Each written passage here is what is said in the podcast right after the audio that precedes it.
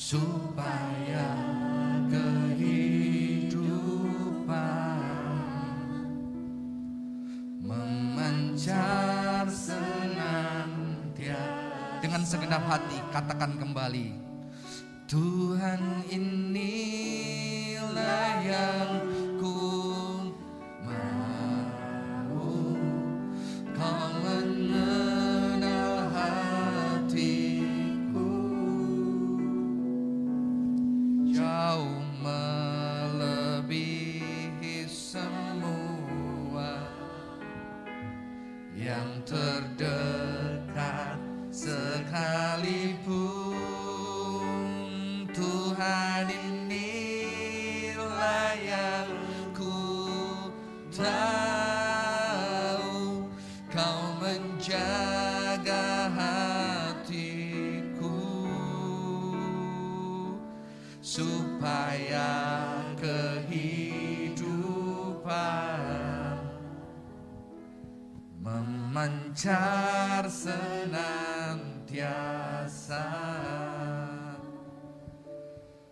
Tuhan inilah kami, Kau tahu segala keberadaan kami, hati kami, hidup kami, tubuh kami.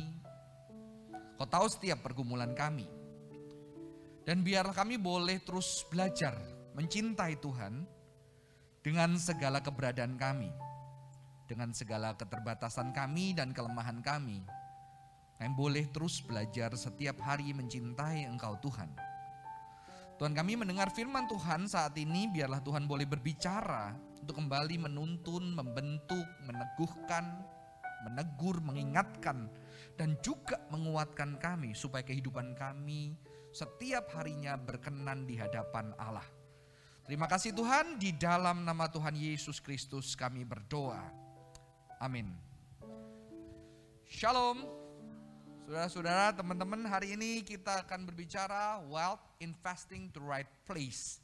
Kekayaan menginvestasikan menginvestasikan ke tempat yang tepat ya. Belakangan banyak investasi-investasi yang dijanjikan akan membuat cepat Anda menjadi sultan begitu ya. Dan ternyata banyak juga terjadi di gereja-gereja orang-orang yang terkena ya ada yang banyak terkena imbasnya bahkan hamba Tuhan. Mengapa? Karena investasi selalu dijanjikan ketika Anda menginvestasikan uang yang Anda dapatkan itu akan berlipat-lipat, tambah banyak, tambah gede begitu saudara-saudara sehingga akhirnya orang teriming-iming untuk menginvestasikan uangnya masih mending kalau yang dipakai uang dingin. Uang dingin artinya uang yang ketika itu dipakai tidak mengganggu perekonomian. Celakanya banyak orang ngajak temennya, ngajak keluarganya, jual aset, dimasukkan dan begitu ternyata bermasalah. Dia kecewa sekali, bukan tambah banyak, tambah habis bahkan tidak punya apa-apa saudara-saudara. Inilah janji-janji investasi. Tapi hari ini kita mencoba melihat apakah di Alkitab ada apakah ada tuntunan bagaimana kita berbicara tentang harta, tentang kekayaan, tentang um, bagaimana kita menginvestasikan.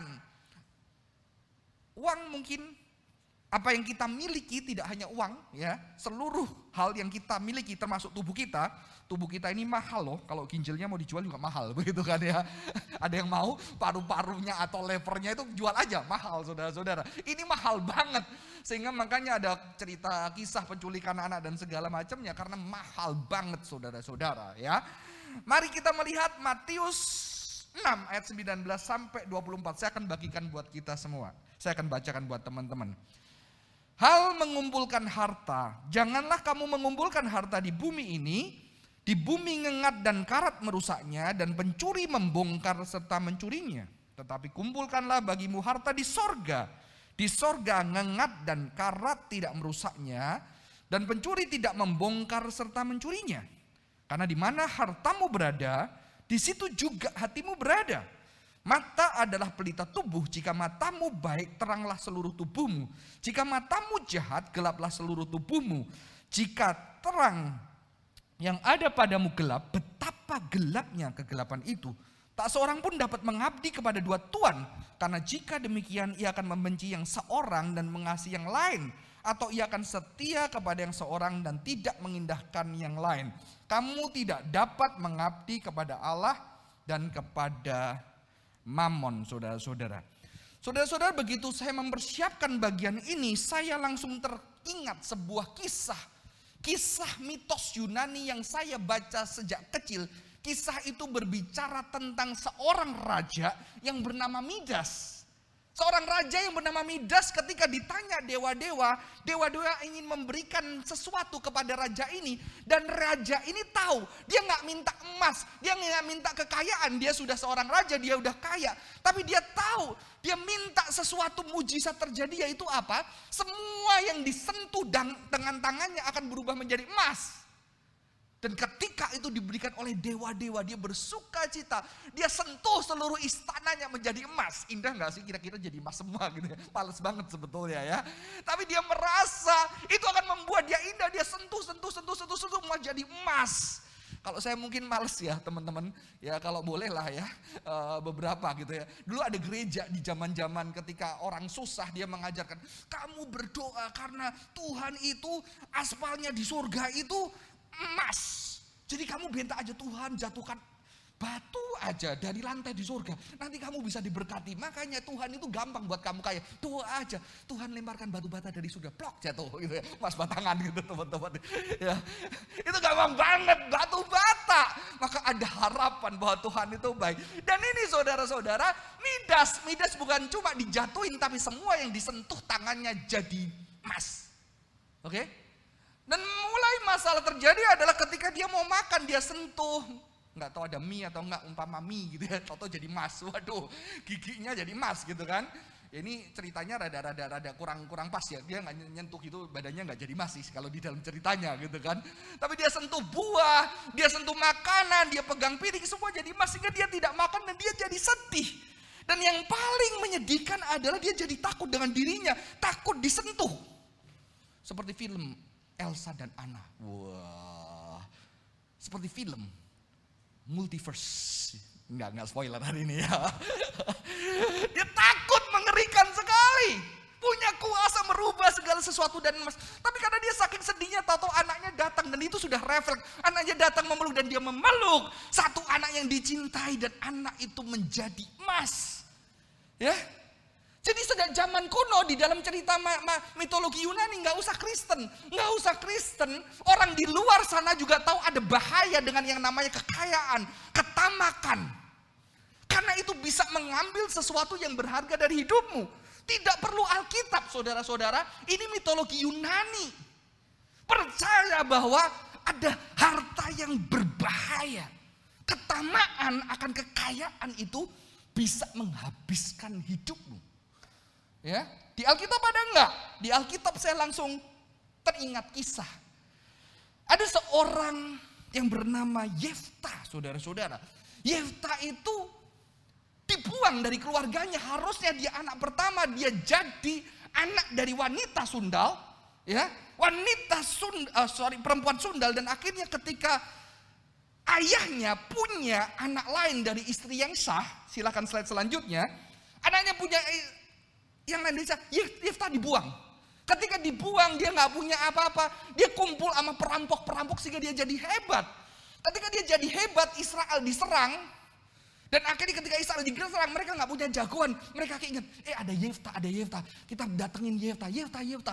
Lu bantuin kita perang, lu udah punya geng gitu ya. Lu udah punya kumpulan sama preman-preman. Lu udah tinggal uh, tinggal di gunung. Jadi uh, kalau di dalam karateka ya level tertinggi dia di uh, ditaruh ke gunung itu dia nggak mati di situ ya. Dulu udah hebat, sekarang perang buat Israel. Tapi Yefta bilang, dulu lu buang-buang gua, sekarang kenapa suruh perang? Mereka tahu, Yefta, kalau kamu memimpin dan perang, kamu akan dapat penghormatan, dapat posisi yang tertinggi di Israel. Kamu jadi pemimpin pasti lebih sukses, lebih kaya, lebih dihargai. Dan Yefta bukan orang tidak percaya. Dia berdoa kepada Tuhan. Tuhan berkati.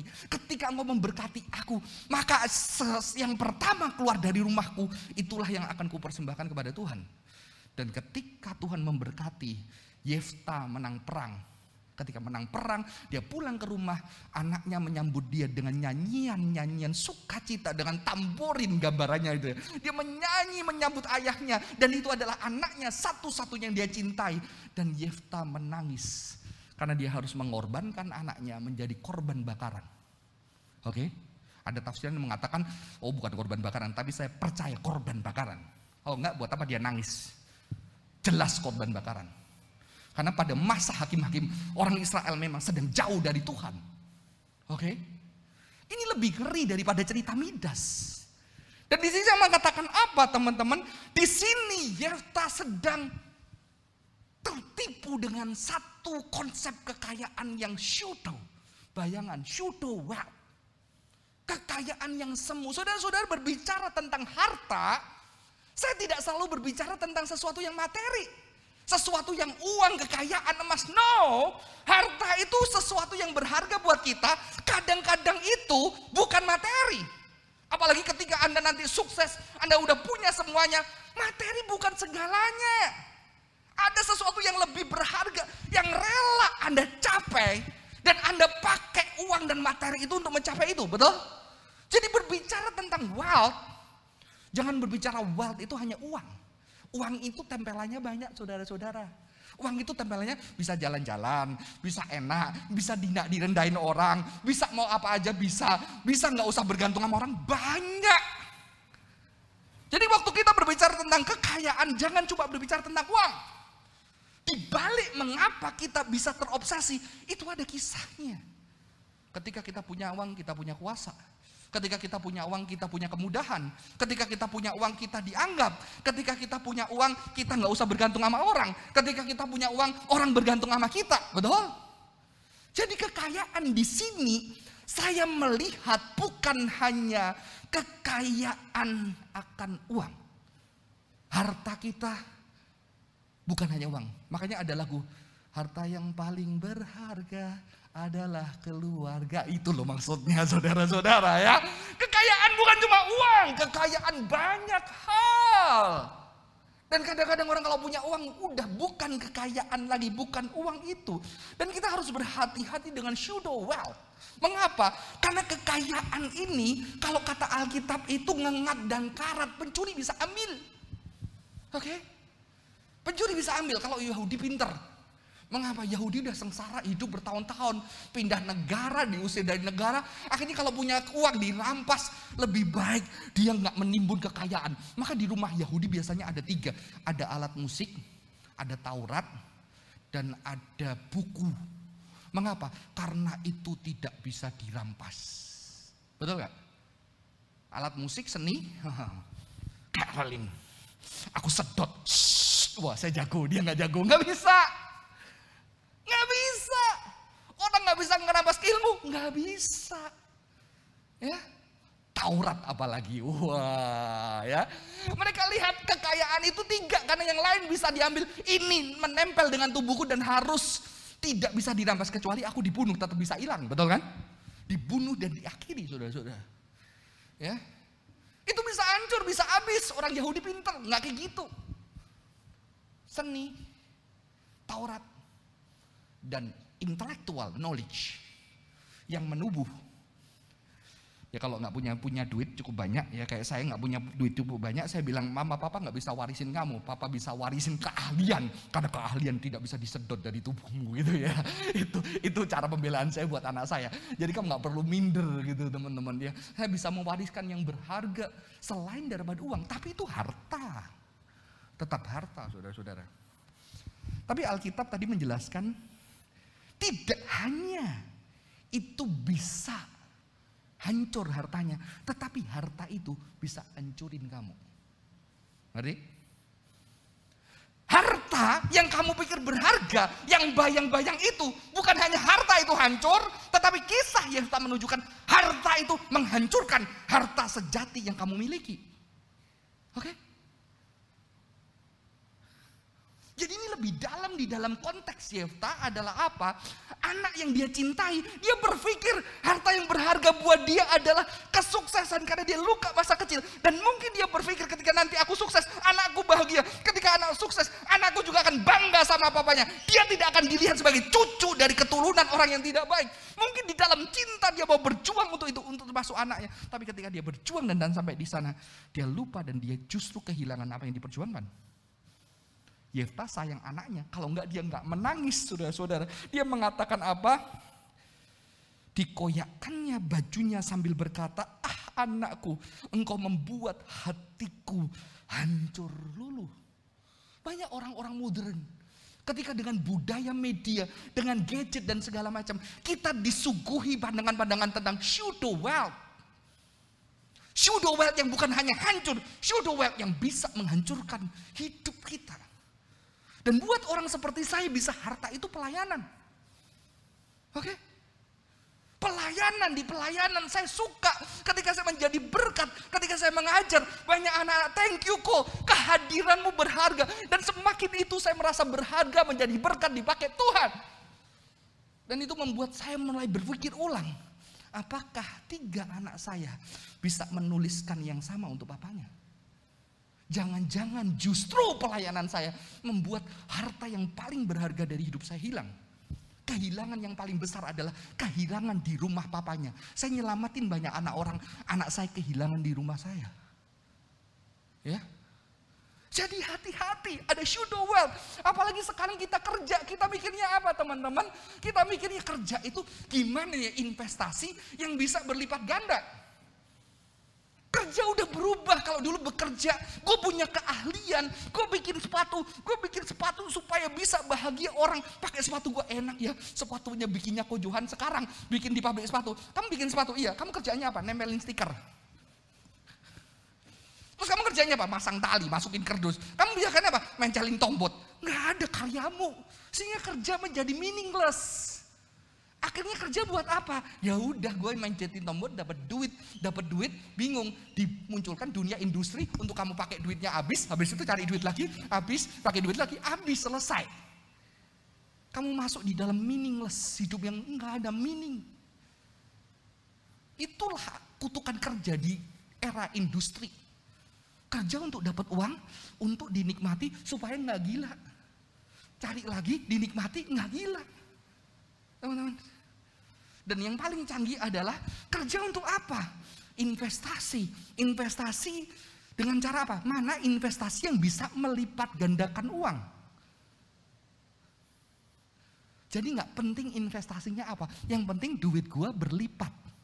Uang yang harusnya menjadi alat tukar, menjadi komoditas yang harus gua lipatin, lipatin. Gua nggak peduli investasinya apa. Apa makna dari kerja? Bukan berarti nggak boleh investasi ya. Kita tabung di bank juga ada investasi teman-teman. Tapi ini adalah keadaan dunia kita. Sehingga kita nggak mikirin bisnis apa, kerja apa. Yang penting gue duit tepat balik modal dan cuan. Betul nggak? Apa maknanya? Apa maknanya? Ya. Dan langsung disuguhi dengan sultan-sultan anak muda yang sudah naik private jet, naik mobil yang bagus. Maka teman saya di counseling center mengatakan, sekarang banyak anak stres yang muda-muda. Stresnya apa? Karena dia lihat Instagram teman gue usia segini udah punya ini, udah punya ini, udah ke sini, udah ke sana. Gue pengen dan banyak orang stres. Maka begitu ditawarkan ada investasi yang bagus, dia masukin, masukin supaya dia dapat uang dengan cepat. Supaya dia bisa sama kayak temennya. Dia sedang hidup di dalam pseudo wealth Apakah dia bahagia? Celakanya dia sudah hidup. Ada yang berhasil. Ketika yang berhasil, ketika sampai di sana, cuma gini. Dia tetap kosong. Kita diiming-imingi apa? Biarlah uang yang bekerja untuk Anda. Bukan Anda bekerja untuk uang. Ya. Nanti usia berapa, Anda nggak usah mikirin uang.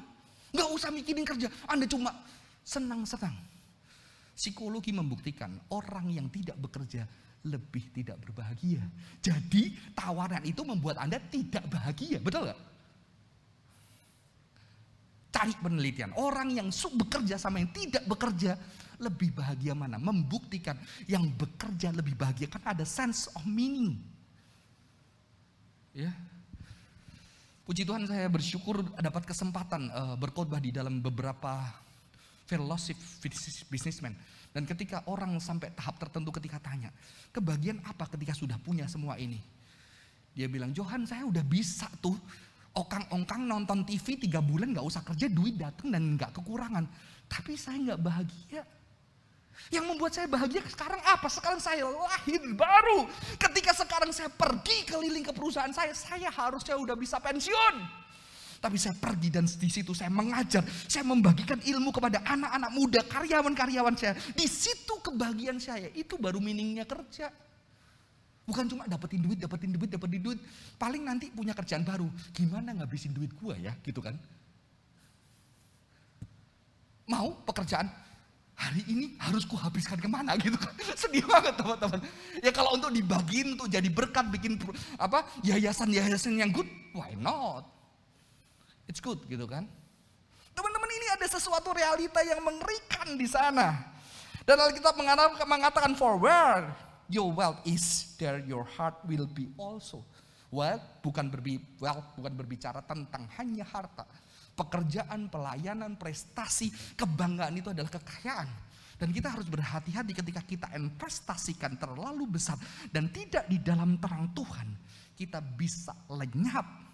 Justru kita tidak bisa menghargai dan kita kehilangan apa yang kita perjuangkan. Ada orang yang lihat anaknya susah, nggak dapat pendidikan yang bagus, Sorry, dia lihat dirinya, kok papaku susah, gue gak dapet pendidikan yang bagus, gue gak mau anak gue kayak gue. Maka dia berjuang keras, suami istri bekerja keras, mendapatkan uang yang banyak untuk memberikan diri pendidikan yang terbaik buat anaknya. Ketika anaknya melihat papa mamanya yang sayang dia, anaknya tahu papa mamanya sayang dia banget. Aku tahu papa mama sayang, tetapi sekarang gue gak mau jadi kayak papa mama, karena papa mama sibuk kerja untuk pendidikan yang terbaik buat aku. Tapi gue kehilangan papa mama. Nanti gue gak mau kayak papa mama. Gue nggak mau kerja ikut perusahaan. Gue mau jadi bisnismen. Gue mau entrepreneur supaya apa? Supaya waktu gue lebih banyak buat anak-anak gue. Ironis kan?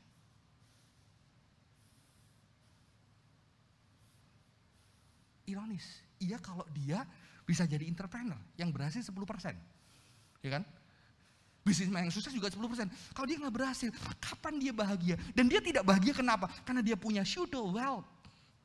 Yang dibangun dari apa? Pseudo wealth punya papanya. Yang membuat akhirnya dia pikir dengan itu dia bisa membahagiakan anak. Ternyata itu pseudo.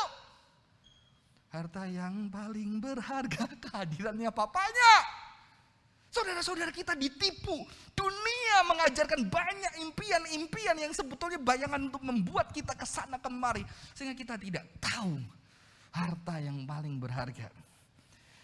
Dan saya bersyukur ketika membaca bagian ini, setelah selanjutnya, the eyes is the lamp of the body. Maka milikilah mata yang baik. Saudara, keren banget Alkitab. Ternyata mata yang baik, kalau kita mata yang baik gimana? Nggak minus, nggak plus Ya. Enggak, mata yang baik itu ternyata generous. Di dalam bahasa aslinya ayin tofah. Tof, kata tofah, tof. Ayin itu mata yang baik, itu sebuah idiom. Banyak orang Kristen nggak ngerti idiom Yahudi. Jadi mata yang baik itu enggak pelit. Jadi kejarlah harta di surga. Harta di surga itu adalah apa? Mata yang baik, mata yang generous. Kita diajarin dunia apa? Generous. Dapetin ini, dapetin ini, dapetin ini. Semua makan, jangan mau kalah. Rakus. Dan kita diajar untuk apa? Justru kita tidak mengerti kebahagiaan, betul? Mengapa kita nggak pernah bahagia? Karena kita dituntun ajaran yang salah. Jadilah rakus, jadilah rakus, jadilah rakus. Kita ambil semua, ambil semua. Kok tetap kosong, kok tetap kurang. Maka banyak orang nggak bahagia walaupun dia udah punya banyak. Karena dia sedang melayani syudoa. Ya, dia melihat secara positif.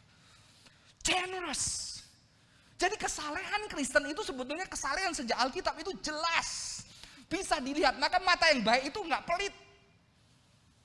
Dan orang yang mengejar kekayaan, dia mulai pelit. Dia nggak generous lagi. Dia nggak generous sama orang lain. Dia terobsesi. Termasuk bisa loh di dalam pelayanan saya bisa terobsesi untuk saya mendapatkan apa? Saya melayani baik, saya mendapatkan apa? Oh terima kasih, terima kasih. Saya memikirkan apa? Memikirkan diri saya. Sehingga ketika anak istri saya komplain, dia bisa saya bilang, ini papa sedang melayani Tuhan. Pakai bawa Tuhan, Tuhan lagi gila. Ya. Kalau generous harusnya saya kasih mereka dan dan generous berbicara apa? Bukan hanya berbicara keluar. Generous berbicara apa? Berbicara kita terhadap diri kita. Kita baik nggak ngelihatnya? Ketika orang yang mengejar wealth, should do wealth. Seringkali mereka juga nggak baik buat dirinya, betul kan? Rela kerja keras, lupa makan, lupa tidur, lupa pertemanan. Dia mau capek sama dia juga nggak generous sama dirinya, waktunya, kesehatannya, betul? Jadi mata yang baik bukan berbicara lihat orang, tapi juga lihat apakah aku baik terhadap diriku. Ketika gue bekerja seperti ini, I'm good. Am I good for myself?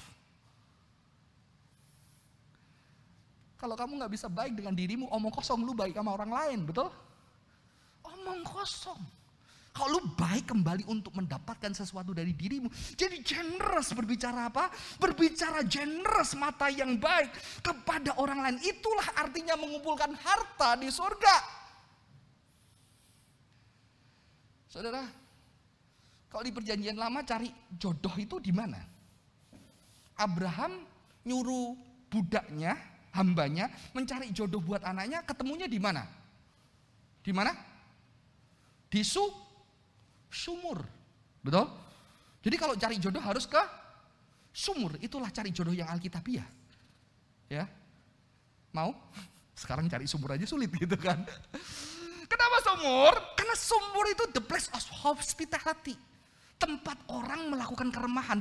Sehingga dilihat ada seorang wanita. Wanita yang cekatan lalu dia datang. Dia kasih mau minum, mau minum. Dikasih. Untamu haus dikasih. Saya yakin itu ribka ya namanya ya. Itu dempal mungkin ya. Ya, Itu onta minumnya banyak loh. Dan di sini wah ini adalah wanita saleh. Karena saleh itu artinya generous. Jadi kita sering, oh baik cinta Tuhan. Cinta Tuhan itu konsep. Betul?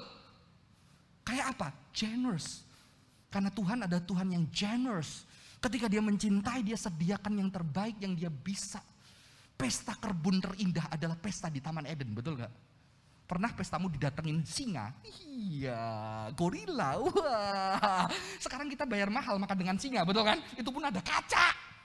Nggak boleh sembarangan masuk seperti Adam dan Hawa. Itu ada pesta kebun terindah. Ada airnya mungkin langsung minum dari air terjun. Wah dari sungai. Wah. Gila. Tuhan itu generous. Maka orang saleh disebut hospitable. Hospitable dari philosenia. Philo love. Love itu strangers. Maka ketika Tuhan datang, dia datang sebagai strangers untuk melihat di bumi ini adalah masih ada orang-orang yang menerima dia.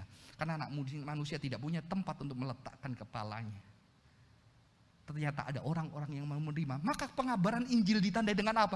Oh murid-murid yang nggak boleh bawa barang. Yang harus seperti orang lum, yang ngetok pintu orang. Dan ketika pintu rumah itu dibukakan, dia diberkati. Ketika tidak kebaskan kakimu. Karena penghukuman Tuhan ada.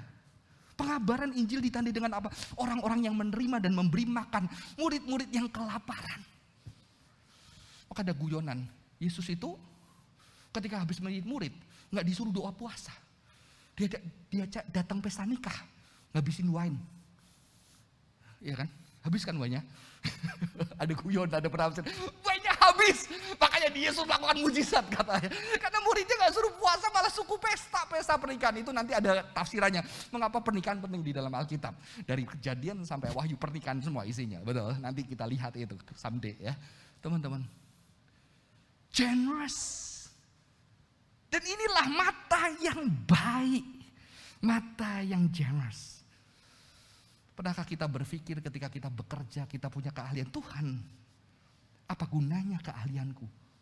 Ketika pandemik awal saya naik Gojek, GoFood, eh GoFood enggak naik ya kalau GoFood ya pesen ya. naik GoFood gimana? Itu maaf sebut nama ya. Teman-teman saya melihat karyawannya. Wah, di pandemi kayak gini saya bisa berdoa buat orang-orang yang membutuhkan tapi seandainya saya punya bisnis Berapa banyak orang yang bisa kerja. Jujur teman-teman, kenapa ya gue dulu jadi hamba Tuhan ya? Kenapa gue gak jadi bisnismen gitu ya? Kalau saya jadi bisnismen, berapa banyak orang bisa bekerja. Mau percaya nggak percaya pulang ke rumah, keluarga mereka bisa makan di rumah dan bersyukur kepada Tuhan. Terima kasih untuk makanan hari ini. Maka saya mengatakan para bisnismen itu indah. Kamu melakukan mujizat yang dilakukan Yesus. Memberi makan 5.000 orang Kamu karyawanmu berapa? Berapa tahun? Sehari berapa keluarga yang makan? Sehari tiga kali. Berapa ribu orang yang dikasih makan? Maka ketika kamu kerja di satu perusahaan, ada orang bekerja sana, bekerjalah semangat. Karena di situ mujizat pemeliharaan Tuhan sedang dilakukan baik orang percaya tidak percaya. Amin. Bukan cuma kamu dapat uang. Ini sungguh indah. Saya punya rumah kecil di desa, di kota kecil. Saya bisa kontrakkan. Saya masih kontrak, saudara-saudara. Saya bisa kontrakkan rumah saya. Saya bisa dapat uang, walaupun mungkin tidak besar. Tapi yang saya bersyukur bukanlah saya dapat uang. Saya tidak kontrakan itu, saya tidak uang. Tapi ternyata saya melihat ada tiga orang, tiga keluarga yang bisa pakai rumah saya dan mereka bisa hidup. Ada tiga pekerjaan yang bisa dilakukan di rumah saya. Dan saya tidak cas sama sekalipun sepeser rupiah. Dan saya bilang apa? Saya nggak punya rumah. Saya punya rumah kecil yang saya sekarang masih kontrak. Tapi saya menjadi berkat buat tiga keluarga. Dan itu berkat yang besar buat saya tiga keluarga bisa hidup dengan anaknya, dengan bapak yang bekerja pakai itu satu buat jualan, satu buat bengkel, nanti ada yang jualan malam saudara-saudara indah sekali. Ya, saya akan lanjutkan having a bad eye. Ternyata a bad, a bad eye atau evil evil eye adalah ayin ra'ah, ra'ah. Ra'ah itu artinya pelit. Jadi ayat ini sekarang gampang ya ngertinya ya. Mata yang baik, mata yang jahat gimana sih gitu ya. Mata yang jahat itu pelit. Ya, pelit. Stingy. Sehingga kamu tidak rela berkorban buat orang lain. Termasuk juga jahat sama diri itu pelit. Kalau kamu jahat sama diri, gue yakin lu jahat sama orang lain kok. Lu pelit sama orang lain. Karena Alkitab mengatakan mengasihi Tuhan sesama dan diri itu menjadi satu kesatuan, betul? Apa, apa artinya kamu akan tidak pelit sama orang lain saudara-saudara. Jadi kita jelas melihat ayat ini, kita diminta Tuhan memiliki mata yang generous. Kita diminta Tuhan generous, kita nggak boleh pelit. Karena kalau kamu pelit di situlah bukan sesuai dengan firman Tuhan. Ketika kamu pelit, kamu nggak generous, kamu sedang mengumpulkan harta di dunia ini yang bukan hanya ngangat dan karat bisa menghabiskannya, bukan pencuri bisa mengambilnya, tapi harta yang bisa justru mengambil sesuatu yang sungguhnya paling berharga. Harta yang membuat kamu karena kamu syudo, kamu pegang itu, kamu rasa itu yang paling harta paling berharga karena kamu gegam erat dan harta itu menggenggam kamu, kamu sudah tidak punya tangan terbuka untuk menerima harta yang paling berharga. Oke? Okay? Kamu udah gak punya. Agustin mengatakan begini, Tuhan itu sudah banyak menyediakan pemberian terbaik buat kita. Tapi tangan kita terlalu penuh untuk menerimanya. Betul? Ingat yang pernah punya toxic relationship? Waktu itu kamu merasa pasanganmu inilah yang paling berharga. Kamu gak mau lepasin. Sampai akhirnya akhirnya putus. Dan kamu marah sama Tuhan. Tapi setelah beberapa tahun, untungnya gue putus sama dia. Betul gak? Ada kan? Kenapa tangan kita menggenggam dan kita ter, tertutup tidak bisa melihat keindahan. Saya akan lanjutkan a good eye, a bad eye. A good eye artinya slave to God, menjadi budak Tuhan, hamba Tuhan. Dan Tuhan berbicara tentang love, God is love. Budak Tuhan, Tuhan adalah love atau cinta, maka kita adalah budak cinta. Jadi Anda dan saya harusnya jadi bucin. Amin. Kasih salam bucin, hai bucin gitu. Generous itu bucin. Saya suka loh bahasa bucin. Waktu orang bilang negatif, gila gue suka banget bucin. Karena gue bucin gitu ya. Gue kalau suka sesuatu gue kejar mati-matian. Gue gue rela dulu waktu ngejar istri saya dari warung buncit ke Tangerang. ya Pakai minyak wangi naik sepeda motor sampai sana bau aspal. Wah tapi itu semangat perjuangannya gitu ya. Sakit juga sih.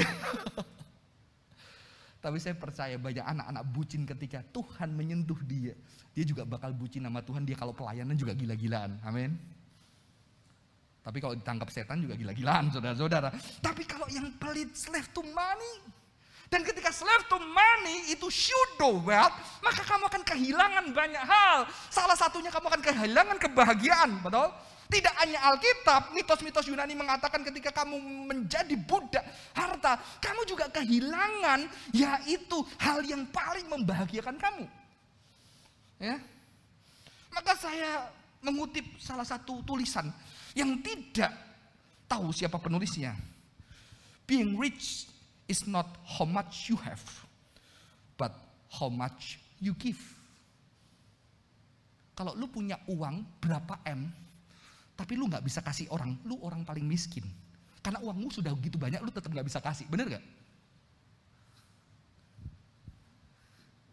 Orang yang miskin tuh bahkan banyaknya uangmu. Lu punya 1 M, 2 M, tapi lu kasih 100 juta, berat. Makanya Alkitab selalu memuji janda. Yang cuma punya sepeser, besok dia nggak tahu makan apa dia kasih. Itu orang paling kaya. Karena dia tahu dia punya. Yang satu nggak bisa kasih, berarti nggak ada yang bisa dikasih dari hidupnya. Dia miskin banget. Teman-teman yang ngomong ini bukan Kristen yang atas. Tapi Tuhan mengatakan, remembering the words of the Lord Jesus. For he himself said, it is more blessed to give than to receive. More blessed, berarti to receive blessed nggak? Blessed. Jadi gak, gak mau terima sekali. Karena mau beri, enggak. Lebih berbahagia, diberkati, memberi daripada menerima. Kenapa kita nggak berbahagia? Kenapa kita tidak dirasa diberkati? Karena kita selalu konsen menerima. Kita tidak pernah belajar memberi dari apa yang kita punya. Teman-teman, mau berbahagia? Belajar menjadi orang kaya. Kamu memberi dari apa yang kau punya kepada orang-orang dan menunjukkan kasih kepada mereka. Saya pernah dalam hidup saya, itu mujizat. Ada orang bisa transfer 40 juta. Waduh, saya tertungkur Tuhan, thank you buat berkatmu. Bohong, saya gak seneng. Saya gak punya sepeda motor, bisa beli sepeda motor. Wah, saya nggak bisa dulu nikah nggak bisa beliin cincin saya istri saya bagus. Cincinnya saking tipisnya jadi peok. Sampai sekarang cincinnya sama. Karena saking tipisnya supaya bisa tetap pakai emas saya tipisin jadi gampang peok gitu kan. Karena kelihatannya gede tapi dalamnya dibolongin sehingga sakit pakainya sampai sekarang sering luka jadi saya. Tapi itu saya bisa beli. Beliin cincin yang bagus buat istri saya. Wah begitu dapat berkat. Dapat berkat itu harus berlutut. Kenapa? Kata berkat itu artinya kneel down maka orang seberang lebih ngerti kalau dapat berkat dia bersujud. Ngerti? Karena kata berkat itu artinya berlutut. Jadi ketika mereka terima berkat, mereka tutun kepalanya di tanah. Dan berkat itu harusnya membuat kita rendah hati. Ya. Ketika hambanya Abraham tahu dapat jodoh dia langsung berlutut kan. Orang seberang begitu dapat di depan umum dia berlutut. Kan dia tahu kata berkat berlutut. Jadi berkat seharusnya membuat kita merasa dicintai mengapa? Karena Tuhan berlutut untuk memberikan sesuatu kepada kita. Tetapi Tuhan mengatakan apa? Saya masih ingat, saya punya pembantu, masih muda, dia nggak bisa melanjutkan setelah SMA. Dia, saya ajak nonton Laskar Pelangi. Dan ketika di dalam nonton film itu dia nangis, istri saya nangis, saya nangis, anak saya masih kecil waktu itu. Dan ketika nangis saya tanya, kamu pengen kenapa nangis? Iya dari dulu pengen jadi guru, nggak bisa Waktu itu saya masih cuma punya sepeda motor. Saya masih menjalani, saya baru berhenti pelayanan dari satu gereja. Gaji saya sebulan cuma 500 ribu tahun 2008. Tidak ada gereja yang terbuka untuk mengundang saya berkhotbah. Ya, istri saya harus mengelesi piano, jadi pendapatan paling besar istri saya. Saya jadi nganter istri saya ngelesin, jaga anak. Karena gereja tertutup buat saya. Tapi ketika Tuhan kasih itu, saya bilang, ini berkat Tuhan. Jangan sampai kita melawan kutukan. Mama dia, pembantunya mama saya. Anaknya jadi pembantu saya, nanti anaknya dia jadi pembantu anak saya. Kan sengsara ya, begitu ya. itu kutukan sosial loh. Saya bilang kita harus patahkan kutuk ini. Biarlah dia kalau kita boleh, kita kuliahkan universitas terbuka. Dan di situ saya nggak punya apa-apa, saya ma istri berdoa setiap bulan meminta berkat untuk apa? Untuk bisa mengkuliahkan pembantu saya. Dan di situ ketika dia lihat ada harapan untuk dia menjadi yang dia mau, di situ saya melihat air matanya. Dan saya mengatakan 50 juta nggak ada artinya. Kan lebih berbahagia memberi dibandingkan menerima. Kita nggak tahu mengapa karena kita tidak melatih dengan tubuh kita, tapi dunia dengan shudo purpose-nya dia melatih dengan dapat ini, dapat ini, seneng kan, dapat ini, rumah mewah, seneng, bahagia, jalan-jalan, pasang story di sana. Tanya hati kecil mereka. Pernahkah mereka memberi uang dengan tangan mereka dan ada air mata yang bersyukur buat itu? Kita tidak dilatih seperti itu. Ya. Semoga ini boleh menjadi berkat kita. Kenapa kita tidak berbahagia? Kita tidak pelatih memberi dengan tubuh kita. Sehingga kita tidak tahu kebahagiaan itu apa. Saya akan akhiri dengan sebuah video kalau bisa diputarkan. Ini bukan video Kristen, tapi beberapa tahun lalu video ini cukup menyentuh saya. Bisa diputarkan, tolong rekan-rekan.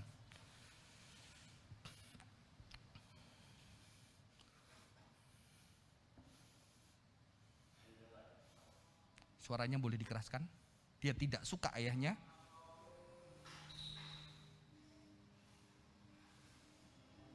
Karena ayahnya miskin dan gak sukses.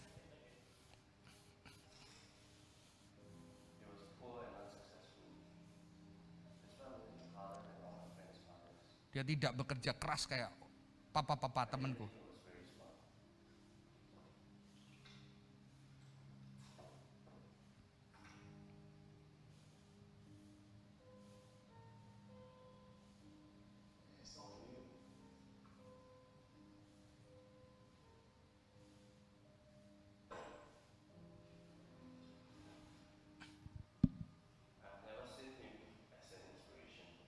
Tidak pernah melihat dia sebagai inspirasiku.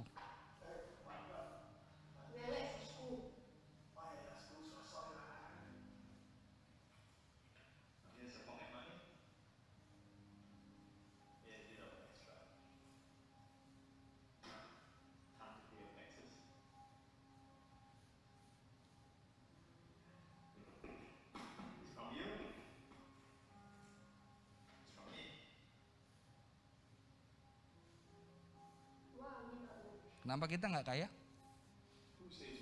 Siapa bilang kita nggak kaya?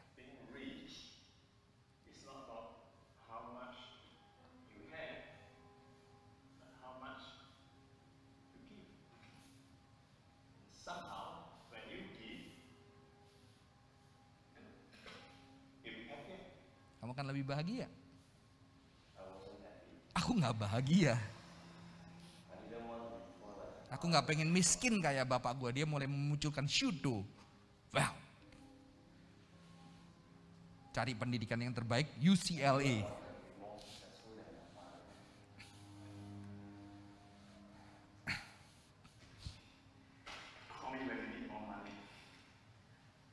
Shudo well tidak bisa membuat kita melihat cinta. Kita bisa sendiri, kita bisa mencapai yang kita mau. Kita nggak butuh orang lain. Semua di tangan kita.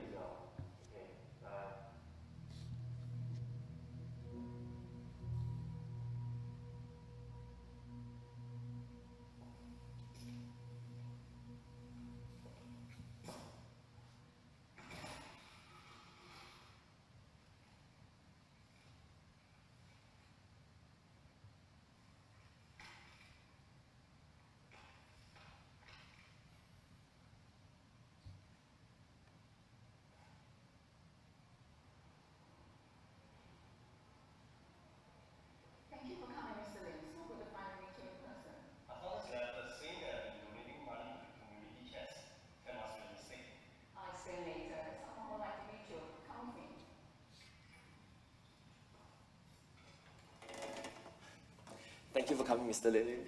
Your father has told us so much about you. Your father, he always makes us forget about our problems and reminds us about our dreams and hopes. But the kids here, they all miss him. And he's the only one who can bring a smile on their faces. And I remember there's this boy. He was really depressed and he didn't go to school. Basically, he's given up on life.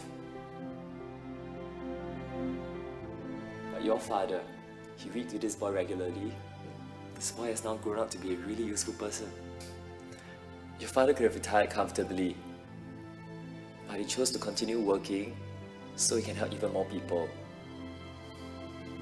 He was a selfless man. It's just that. It's just that he didn't tell anyone about his sickness.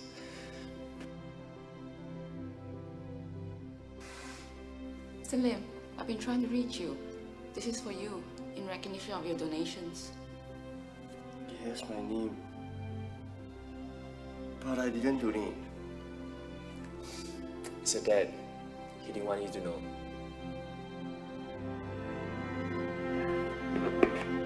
It's from you. It's from me.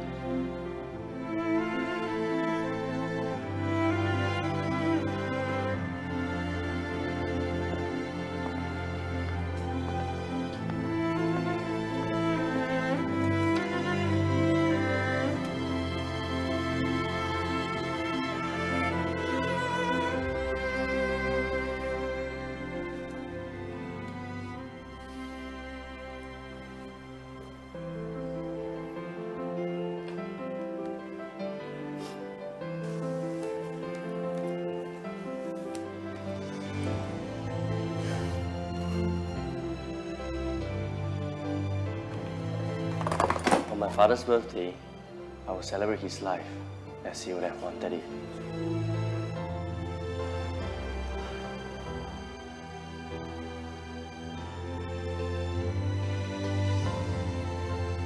I could almost hear him say, Being rich is not about how much you have, but how how much much you you can give. give.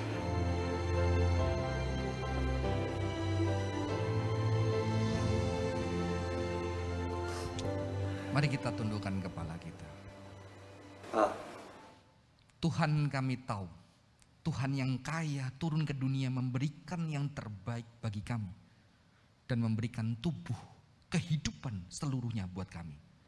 Tuhan kiranya kami boleh memberikan tubuh kami. Menjadi orang dengan mata yang baik. Menjadi orang yang generous, bukan orang yang pelit, tidak generous. Dan kiranya kehidupan kami boleh tidak kehilangan justru yang berharga. Justru kami berbahagia menjadi orang-orang yang terberkati. Menjadi orang-orang yang kaya. Karena kaya itu ditandai bukan ketika kami punya banyak. Tapi berapa banyak yang kami bisa berikan buat orang lain. Berikan buat diri kami. Dan berikan buat Tuhan. Berkati setiap kami Tuhan. Boleh menjadi berkat dan kiranya kami menjadi orang-orang yang berbahagia, orang-orang yang diberkati seperti yang Tuhan firmankan. Terima kasih Tuhan di dalam nama Tuhan Yesus Kristus kami berdoa. Amin. Tuhan Yesus memberkati.